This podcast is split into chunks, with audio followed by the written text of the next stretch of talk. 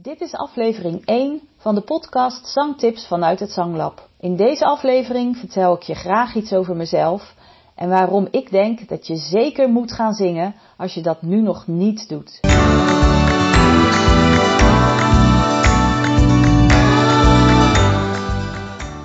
Hallo, wat leuk dat je luistert naar deze podcast Zangtips vanuit het Zanglab. Mijn naam is Marleen Dubbelman. Ik ben gediplomeerd zangcoach en ik help jou heel graag verder met zingen. Ben jij op zoek naar goede zangtips die je verder helpen als vocalist?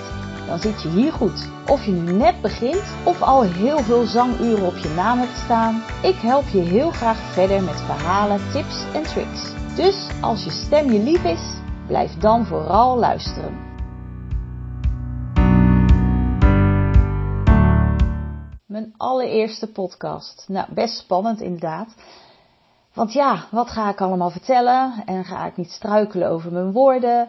Het is toch veel makkelijker om gewoon een liedje te zingen eigenlijk dan uh, dat je een beetje in het uh, luchtledige aan het praten bent. Maar uh, ik ga het toch doen, want podcast, dat is iets waar ik zelf heel veel aan heb. Als ik aan het wandelen ben buiten of als ik in de file sta. Ja, er zijn altijd wel momenten, zelfs s s'avonds als ik naar bed ga, dan luister ik heel graag naar uh, het geklets van andere mensen. Waarbij ik er ook nog wat van leer, omdat ze altijd wel iets nuttigs te vertellen hebben. En dat kan over allerlei onderwerpen gaan, dus waarom niet over zingen? En er zijn er nog niet zo heel veel over zingen. Dus ik dacht, uh, nou, dat is een uh, mooie gelegenheid voor mij om in dat gat te duiken en te beginnen met podcasten. Mijn naam is Marleen Dubbelman, ik ben geautoriseerd CVT-docent. En uh, zingen doe ik eigenlijk al uh, mijn hele leven. Je zou kunnen zeggen, het is voor mij net zo vanzelfsprekend als ademhalen. En ook iets waar ik echt niet zonder kan. Super om zelf te doen en om anderen bij te helpen.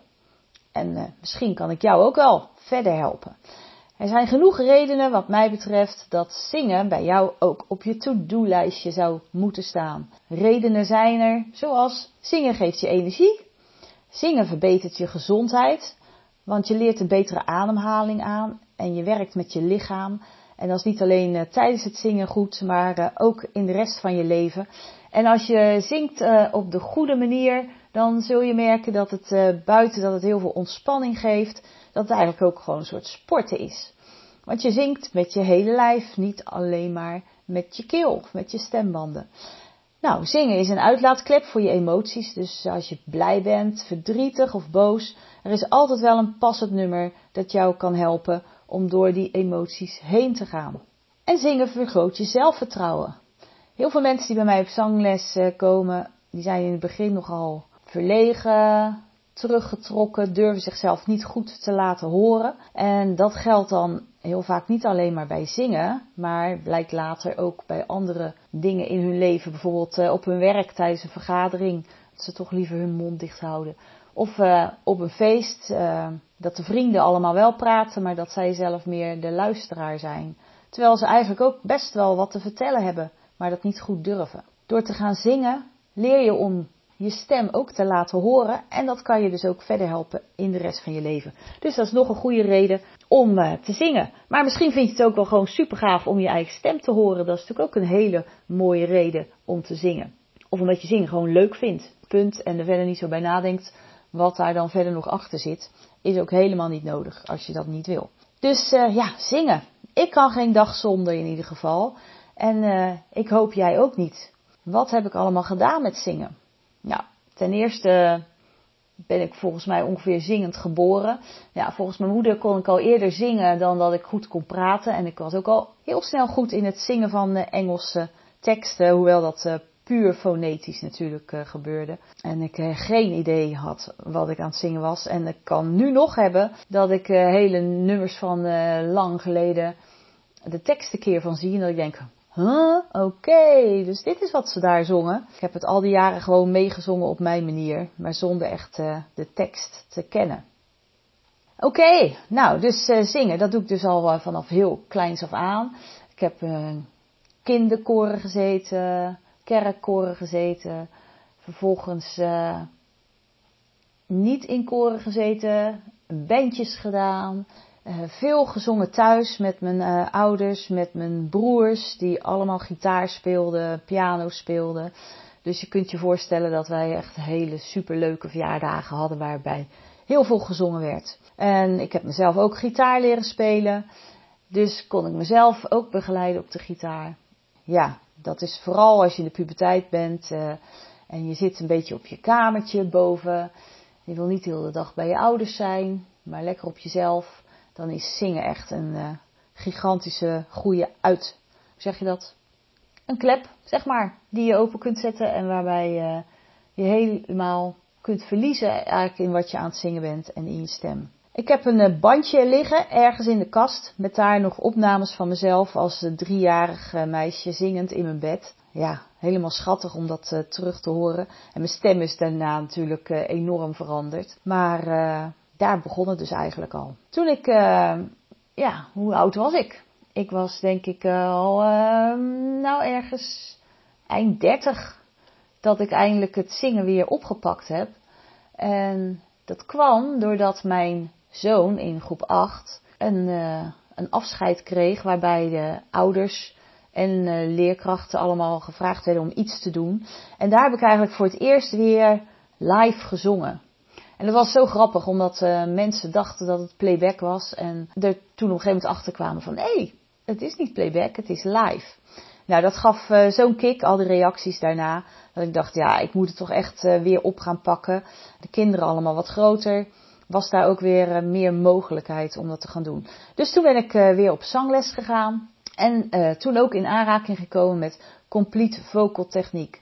En dat is een zangtechniek waar je in deze podcast nog veel over zult gaan horen. Want dat is zo'n geweldige zangtechniek. En uh, nadat ik daar een aantal jaren les in heb gekregen, heb ik besloten om mijn passie te gaan volgen en zelf de opleiding te gaan doen om docent te worden. Dus ik ben een driejarige docentenopleiding in Kopenhagen gaan volgen. Die heb ik met goed gevolg afgesloten. En daarna, en ook al tijdens de opleiding, uh, heb ik al heel veel mensen verder geholpen om hun stem te ontwikkelen. En om hun ook het plezier te geven van het zingen. Die uh, complete vocal techniek is trouwens alleen maar te volgen in Kopenhagen. Dus dat was best wel uh, een dingetje om daar drie jaar lang regelmatig naartoe te vliegen. En dan een aantal dagen daar intensieve lessen te volgen. En voor de rest thuis ermee aan de slag te gaan. Maar het is me gelukt en ik heb er ontzettend van genoten. Heel veel van geleerd. Dus ja, Waaruit maar blijkt dat zingen niet alleen maar zingen is, maar er zit nog zoveel meer achter. En daarom vind ik het ook super uh, belangrijk dat uh, zingen eigenlijk heel normaal is voor mensen om te doen. Dat je daar je ei in kwijt kunt, dat je er plezier in kunt beleven, dat je daar emotie in kunt uh, gooien. Ik heb hier op het zanglab een foto hangen van mezelf als klein meisje in het koor waarin mijn moeder zong. En ik denk dat het tijdens een begrafenis was. Het waren ook alleen vrouwen die ik zie hier, uh, terwijl er ook zeker wel mannen op het koor zaten. Maar als er dan een begrafenis was overdag, dan werden die vrouwen opgetrommeld om de begrafenisdienst te begeleiden met zang. En nou, tijdens een van die diensten was ik er ook bij, want ik was nog heel klein. Ik denk een jaar of vier, vijf. Ik was denk ik vrij, dus ik mocht met mijn moeder mee en ik sta op die foto met uh, de muziekstukken in mijn hand. En uh, het lijkt erop alsof ik het meelees, maar dat kan ik natuurlijk nog helemaal niet. Uh, ja, helemaal verdiept was ik in de bladmuziek. Ik was super trots dat ik op mijn manier al mee mocht doen. Dus toen ik ouder werd, werd ik echt lid van datzelfde koor. En daar leerde ik allerlei Latijnse missen zingen, waar ik helemaal niks van snapte van de tekst. En ik zong ze dus ook puur fonetisch mee. En uh, dat zit er zo ingebrand dat ik uh, dat nu nog steeds, als ik uh, de melodie ervan hoor, kan ik het zo meezingen. Nog steeds geen idee wat ik zing, maar het komt er zo uitgerold. Hoe zit het eigenlijk met jou? Ben jij een zanger of zangeres? Zing je veel? Zing je nooit, maar zou je het heel graag willen? Heb je herinneringen aan vroeger qua zang? Was het een onderdeel van jouw opvoeding of helemaal niet? En is muziek nu een deel van jouw leven? Zou het heel leuk vinden om daar iets van te horen. Dus uh, als je een reactie wil achterlaten naar aanleiding van deze podcast, dan uh, is dat hartstikke leuk. Misschien heb je zelf kinderen En hoe geef je hun dan muziek mee? Leer je ze kinderliedjes? Of zing je gezellig samen mee, uh, dus de afwas of tijdens het inruimen van de vaatwasser? Met de radio, met de hits van nu.